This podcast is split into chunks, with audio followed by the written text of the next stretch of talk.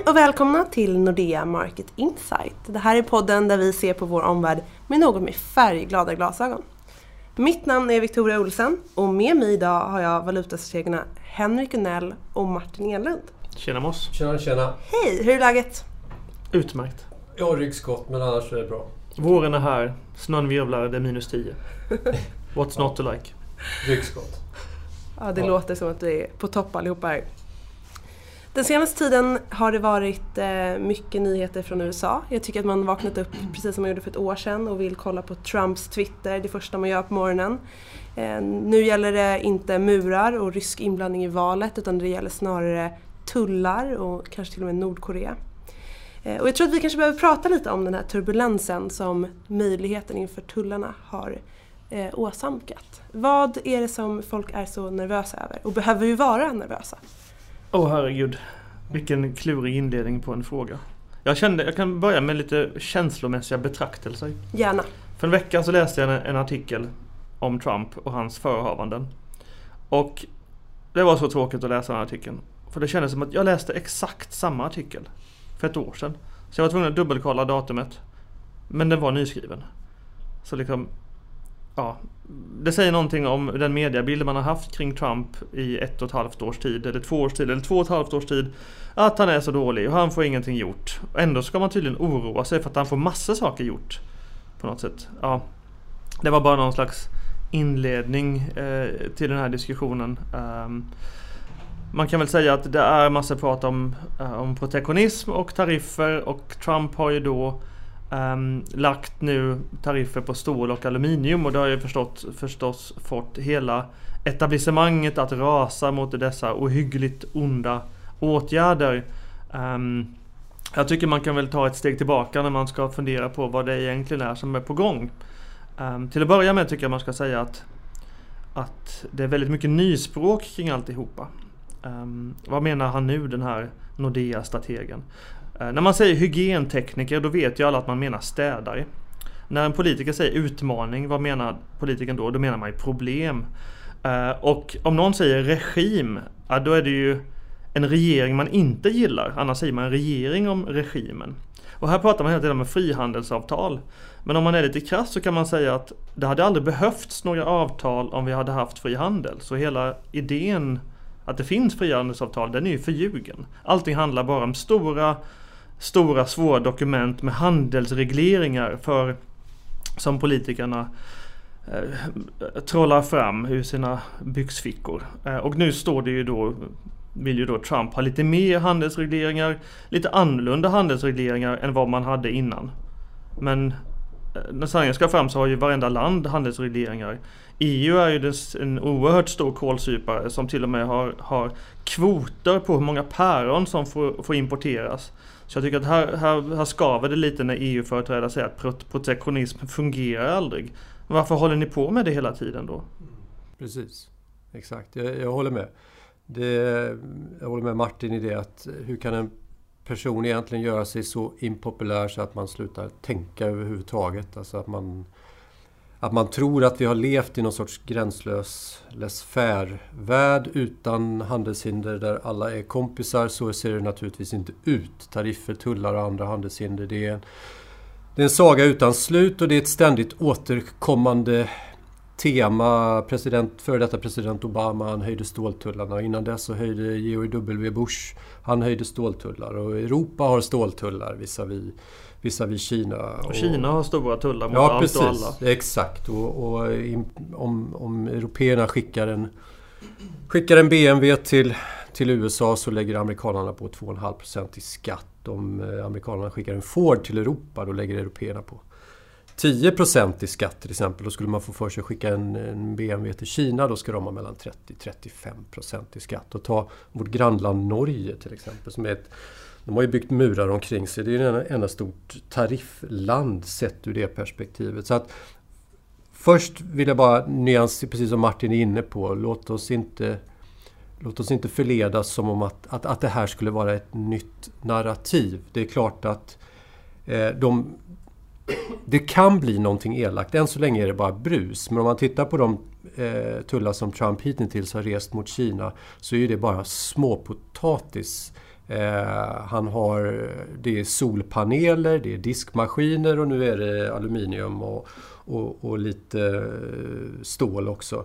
Eh, men det är klart att om, om Trump får för sig att han verkligen ska straffa kineserna för det här med intellectual property stöld så som det muttras om i marknaden då han, eh, då han lägger på handelshinder på fler varor, ja då är det klart att då finns det ju för, förutsättningar för någon form av reciprocitet från kinesernas sida. För än så länge har ju de ju hållit sig ganska lugna och jag tror att de är tämligen väl medvetna. Det kom faktiskt nyheter om, om. att kineserna skulle sänka sina handelstullar på amerikanska bilar till följd av att Trump ja, hotar med massa tullar. Precis, exakt.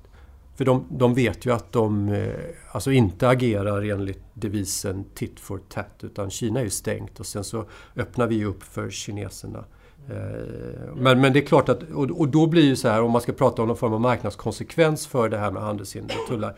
Ja, då blir det ju lätt hänt att man, att man tittar på till exempel börsen och tillgångsmarknader som är högt prissatta där det finns en massa annan stress, stressvariabler som man skulle kunna lyfta ja, fram. Lite man nu. behöver ju inte lugna addera det. Vi ja. kan återkomma till det. Ja, ja.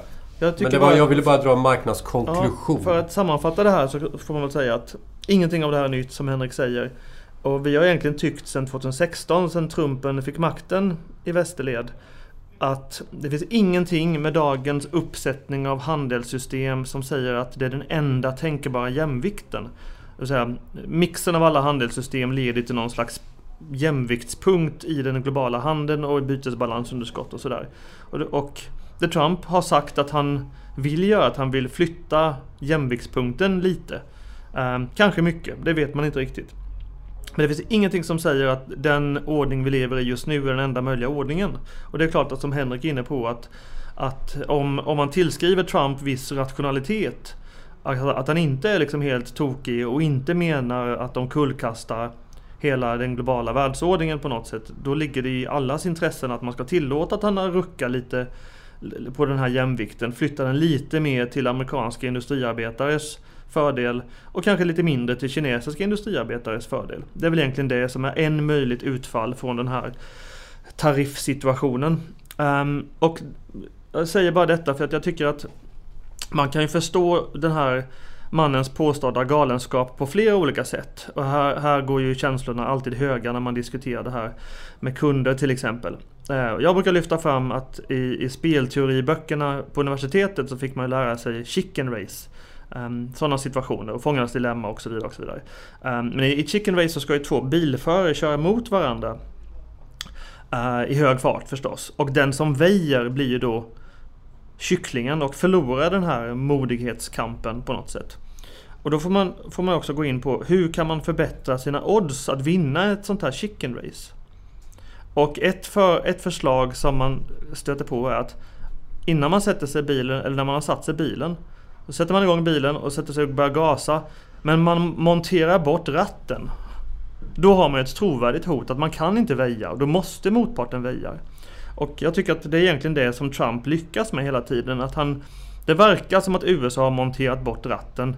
Man, man, man törs liksom inte gå i, i strid till 100% med Trump för man tycker från EUs håll och så vidare att han är oberäknelig. Men det är precis det går att förstå spelteoretiskt. Det är precis det här man ska göra om man ska vinna till exempel chicken race eller förhandlingssituationer.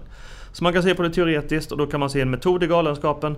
Eh, en av mina kollegor berättade häromveckan att hennes pappa som varit förhandlare i 40 år, han satt nästan rosenrasande i en soffan där hemma. För han tyckte ju i Trump se att den här människan ägnar sig bara åt den första tipset och trixet i förhandlingsteknik. Och han lyckas med det hela tiden. Och folk fattade inte, hur dumma är folk? Så även en praktiker säger ju att Trump faktiskt har en metod i galenskapet och att han inte bara är någon slags irrationell knäppjök som råkar bli president i världens viktigaste och eh, ekonomiskt mäktigaste land. Men vem är denna, detta chicken race mot då? Eh, är det mot Kina eller är det mot EU? Är det mot Kanada? Han verkar, det verkar han, man får ju säga att han kör många bilar samtidigt riktade mot resten av världen egentligen. Amerikanerna har ju handelsunderskott med 101 länder så att det, han kommer ju vara, han kommer vara tvungen att, att mer eller mindre justera världen för att få ordning på det amerikanska bytesbalansen. De, är, de har också störst underskott Ja, och det betyder att de, de är ju, de har alltid sagt att USA är the consumer of last resort. Det är alltid amerikanska konsumenter fram tills nyligen som ska konsumera Världen. världens ekonomi ur någon slags kräftgång. Bara man får fart på amerikanska konsumenter så kommer allting annat på plats. Och det har egentligen funkat ungefär så Ehm, eh, senaste 30-40 åren i alla fall. Så det är ett sätt att förstå det i alla fall. Um, och eh, köper man det här chicken race idén då ska man inte vara särskilt orolig för att för att det ska bli någon slags gigantiska sättningar på börsen. Utan då är det liksom lite, lite duttande med diskmaskiner och annat. Men sen är det gjort. Um, men som sagt, alla köper ju inte det här. Man tror ju kanske att Trump är, är ute efter något större. Och Jag tycker också man kan ha en lite längre diskussion kanske vad han skulle kunna vara ute efter. Ehm, som Henrik kanske var inne lite på här. Om Trump menar allvar på riktigt med tariffer och att stänga bytesbalansunderskottet. För om man, om man importerar mer än man exporterar då betyder det också att man exporterar arbetstillfällen i någon, något sätt att se det. Och han gick ju till vals på att stänga just bytesbalansunderskottet eller handelsunderskottet. Ehm, och om det är det han faktiskt är ute efter, då är det här bara början på något mycket, mycket, mycket större och vi kommer att se tariffer och regler regna som, ja, manna kan man väl inte säga, men regna, regna från himlen under flera års tid. För att då orsaka någon slags, för att Trump vill orsaka i så fall en återindustrialisering av vad man kallar flyover states som har haft en relativ ekonomisk kräftgång under en längre tid, åtminstone under 15-20 år. Han har ju en handelsminister som har skrivit en bok som heter Death by China. så Navarro, att det ja. vore ju inte, vore inte konstigt om han, han eventuellt eh, eh, rörde sig i den riktningen. Precis. Jag sa när han Peter Navarro blev utnämnd till handelsminister att det kanske är så att, att Trump menar allvar med att med den här Death by China-retoriken att, att stänga bytesbalansunderskottet. Eh, men det kan ju också vara ett, ett, ett förhandlingsspel. Jag menar EU ser ju att Trump tillsätter Navarro som handelsminister. Ja, det är ju samma sak, så återigen som att montera bort ratten och stärker Trumps förhandlingsposition. Men, och vi vet ju inte vad han är ute efter. Och det är precis det Trump vill att vi ska inse, så att han vinner i förhandlingarna. Men det är ju det man är rädd då för, på, för, eller rädd för från EUs håll. Att man ska bli av med det dragloket som amerikansk ekonomi har varit tidigare, eller är. Det har börjat låta lite så faktiskt från ECB faktiskt som har börjat prata lite Och det om där är ju så lustigt. osäkerhet Här kring pratar vi om- handelsutvecklingen. Precis som du säger, ECB har redan börjat diskutera när man pratar om internationella risker och riskbild för penningpolitiken så har man redan fasat in det här med tariffer och tullar, vad det kan ställa till med. Och jag menar, här har du världens största statsfinansierade kredit som vi någonsin har sett där ECB varje månad köper företagsobligationer. Det vill säga skuldebrev från olika typer av företag vilket gör att man får eh, finansieringskostnader för näringslivet i Europa som är otroligt, otroligt låga. Och det är ju naturligtvis ett konkurrenshinder, om något, att man skapar illusoriska räntekostnader för större delen av, eh, eller för stora delar av Europas företag. Och Men valutaförsvagning på Ja, det. precis. Och där skulle vi kunna säga att Sverige då spelar in vår egen riksbank. Det är ju också ett handelshinder såklart. När man devalverar kronan till oigenkännlighet på det viset som, som vi gör. Men det, men det är lätt för oss att sitta och säga att, att peka på tullar är mer tydligt men det här som sker så att säga flyger under radarn. Det vill säga när man, när man på något sätt eh, ger företagen obegränsat med pengar till en, till en liten ränta. Ja, det är ingenting som man lyfter fram i debatten, men det Ja. borde man göra. Eh, Om man är riktigt... eh, Om någon skulle vilja prata riktigt klarspråk om det här då skulle man vilja summera valutapolitiken, räntepolitiken men också alla skatter och Precis. avgifter i ett land. Det är därigenom konkurrenskraften avgörs. Om Sverige skulle sänka elskatterna massivt till exempel. Det är ju på något sätt samma sak som en tariff. Fast ja, någonting som skulle gynna svensk elintensiv industri till exempel. Så egentligen ska man ta hänsyn till allt det här. Och i Kinas del, där Trump har en bra poäng, att där menar ju Trump och administrationen att att det kanske inte är helt rättvist att Kina sitter med en gigantisk brandvägg som förhindrar västerländska IT-bolag att expandera i Kina. Det är också ett handelshinder. Ja, absolut. Så det är en ny våg av protektionism menar du också? Ja, men det, det, man ser nu det är ju att, att, frågan har flygit under radarn. Vi har haft de här vi har haft det här eh, kriget utan vapenstillestånd när det gäller handelsfrågor. Men det har Trump har synliggjort dem. Han har ju lyft dem till en ny nivå. Han har accentuerat att det finns ojämlikheter i, när det gäller handelsflöden. Någonting som eh, ja, tidigare presidenter och, eh, och så vidare kanske aldrig det har aldrig lyfts upp på agendan. Det har inte blivit någon större offentlig debatt kring det.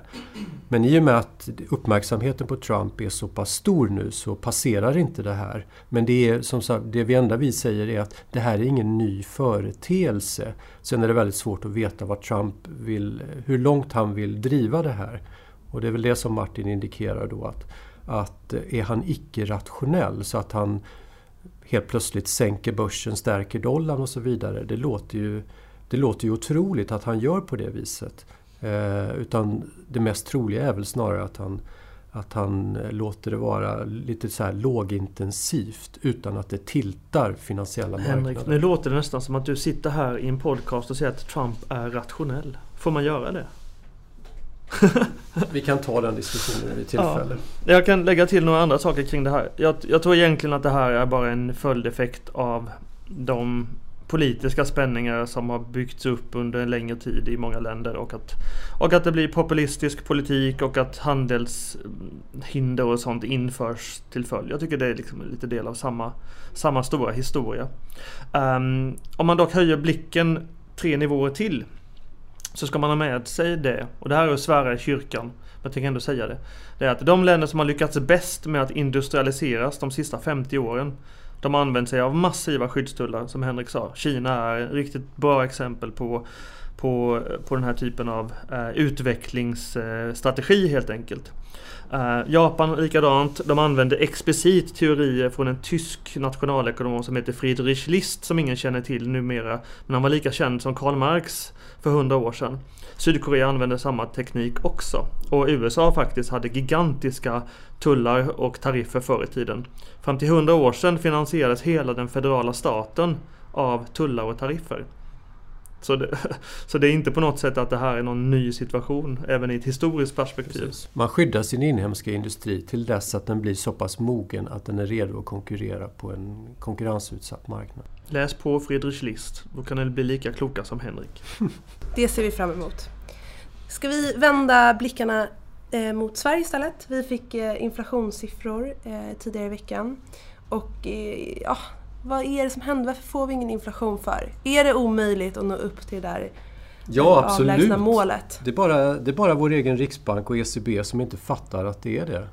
Vi har produktionsförhållanden... Och samlad Precis. akademisk nationalekonomikår. Ja, vi har produktionsförhållanden idag som gör gällande att det är helt omöjligt. Och då menar jag att vi har en utbudssituation, eller för att prata kvällstidningsspråk, utbudschock ifrån Kina. Där man fortsätter att producera billiga varor som vi importerar in i våra KPI-korgar. Och Heureka så ligger vi ungefär 5, 6, 7 tiondelar under eh, inflationsmål i både Sverige och Europa. Så det enda Riksbanken kan göra det är att devalvera kronan och det har de gjort. Fantastiskt. 10, 22, 23 har vi haft på Eurosec här. Det är nästan non-heard of. Eh, men eh, skam den som ger sig. Eh, man kan nästan tro att, att några tiondelars inflation eller brist på inflation är samhällsomstörtande på det sättet som de väljer att agera och hantera situationen på. Riksbanken är livsfarliga enligt mitt sätt att se på det. Martin, nu får du replikera. Ja, men det är inte Riksbanken, det är regeringen. Alltid riksdagen och regeringens fel. Eller förlåt, regimens fel. Ja, men det, saken är ju den att det, Alltså kronan är svag för att den strukturellt ska vara svag. Vi har en centralbank som inte försvarar kronans värde. Vi har en regering som inte intervenerar och korrigerar Ingves och därmed försvarar att kronan ska vara svag. Och så har vi svenskt näringsliv som är synonymt med svensk exportsektor och de vill ju naturligtvis inte ha en svag krona. Så kronan är svag, ja, därför att vi har en struktur där samtliga aktörer, policyaktörer, bär devalveringsglasögon. Och det är, det är utgångspunkten. Så i det här läget när vi hade behövt någon som stått på barrikaden, barrikaden och försvarat kronans värden när marknaden väljer att göra hands-off. Vi tänker inte ta i kronan, för det är precis vad den kommunicerar. Ja, då eldar de istället på det här. Får massa uttalanden om att ja, det är viktigt att inte kronan stärks för snabbt. Fortfarande när den rör sig över 10, vad lever de i för värld? Ta fram ett chart och titta på kronan. Det är ingen som är intresserad av att köpa kronor i dagsläget. Oavsett vad Riksbanken gör. Vi har krisnivåer på kronan men vi har ingen kris. Eller så har vi en penningpolitisk kris. Det är bara att man inte riktigt har börjat inse det. Och krisen är att den här inflationsmålsparadigmet bör kastas åt sidan. Långt, långt bort. Och det kommer, det kommer man göra globalt men det kommer väl ta en rejäl kris först. Typ någon riktigt stor finansiell härdsmälta innan man omprövar den här typen av penningpolitik. Så jag håller, jag håller som vanligt i grunden med eh, Henrik. Det är bara att jag, jag skjuter gärna även på riksdag och regering, Anders Borg, Reinfeldt, Stefan Löfven och förstås eh, ledande företrädare för Dagens Nyheter, Svenska Dagbladet och andra eh, media outlets som 2013 åtminstone var starkt medskyldiga till att hetsa Riksbanken till den här politiken som vi nu har fått li lida med sedan dess.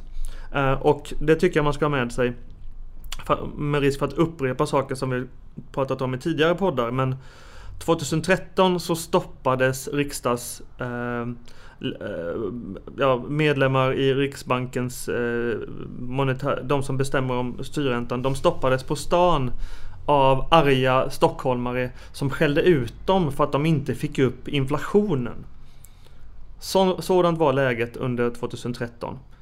Uh, eh, och det är ju inte så att, att Nisse från Hökarängen har bergkoll eller ska ha bergkoll på KPIF-inflationen, vad den innebär, vad den är. Det ska han strunta helt och fullt i.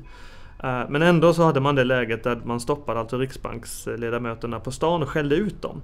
Och där håller jag ju förstås media som ansvariga som köpte helt in i E.O. Svenssons penningpolitiska bild Eh, att Riksbanken körde en vanvettig högräntepolitik. Så där tycker jag DN, Peter Wolodarski, Svenska Dagbladets chefredaktör och så vidare. Ni är medskyldiga till att Riksbanken gör som den gör. Köper man min bild då får man också till följd att om media börjar byta fot då kommer också politikerna byta fot och då kommer också Riksbanken byta fot och vi kan få ett regimskifte som slutar vara lika myopiskt fokuserade på att hetsa upp inflationen till två genom att skjuta kronan, förvandla kronan till konfetti som Henrik brukar säga. Om vi bara ska se en situation där vi inte får upp inflationen, finns det någon typ av smärtgräns, något tak eller golv beroende på hur man ser det, eh, där kronan inte kan försvagas mer? Alltså 12, 13, 14, 15 kronor, vart är liksom vart börjar det göra riktigt ont? Men vi har, vi har diskuterat, vi pratade tidigt i veckan om att när, i samband, precis som du nämnde Victoria, vi fick KPI-siffror. Vad ska vi göra liksom? Eller vad ska Riksbanken göra? Tittar man på KPI minus energi som är egentligen den variabel, KPIF minus energi, som är den variabel som Riksbanken följer. Vi ser att den ska ligga runt 1,5 procent här. Max max ja, under överskådlig tid. Och de fortsätter att vara fundamentalister kring att, att inflationen måste upp mot två innan dess att vi börjar agera och höja räntor.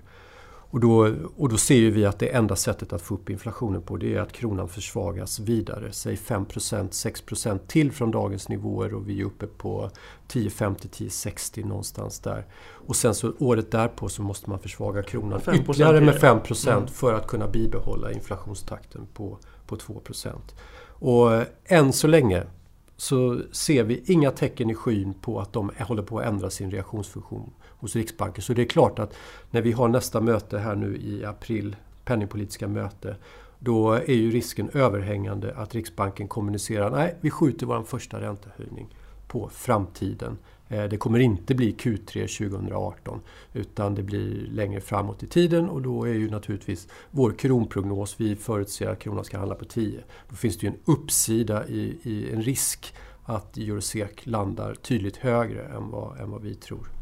Om Riksbanken fortsätter på inslagets spår och inte byter fot. Mm.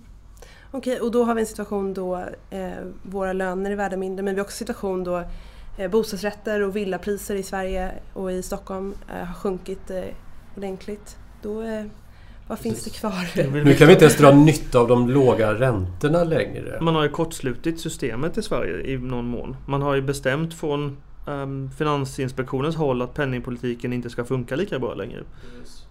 Exakt. Genom att alla amorteringskrav och sånt gör ju förstås att det blir uh, mindre påverkan på hushållens uh, bolånekostnader av ränteuppgång och räntenedgång för den delen. Det är det jag menar att man har skjutit transmissionsmekanismen i sank. Vi ska väl egentligen prata lite om HOX, det är väl det Victoria syftar efter. Ja. Vi har ju haft en bostadspriskorrektion under hösten. Vi hoppas och har som husprognos att bostadspriserna ska stabiliseras. Men här om veckan så fick vi en ganska dålig siffra. Eh, faktiskt den sämsta februarisiffran någonsin, det vill säga sedan 2005, så det är inte så jättedramatiskt.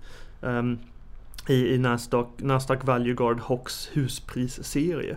Um, och här är väl den stora frågan om, om uh, hushållen har passat på att köpa bostäder nu innan amorteringskravet inträdde den 1 mars. Och om det har hållit aktiviteten artificiellt vid liv en liten stund. Och i så fall kanske det kan komma lite nya boprisfall nu mars-april och framåt.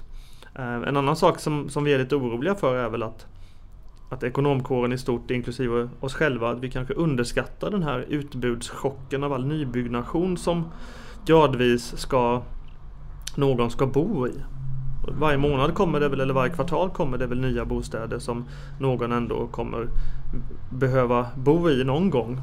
Det är ju någon slags utbudschock som kanske skulle kunna pressa ner priserna ytterligare.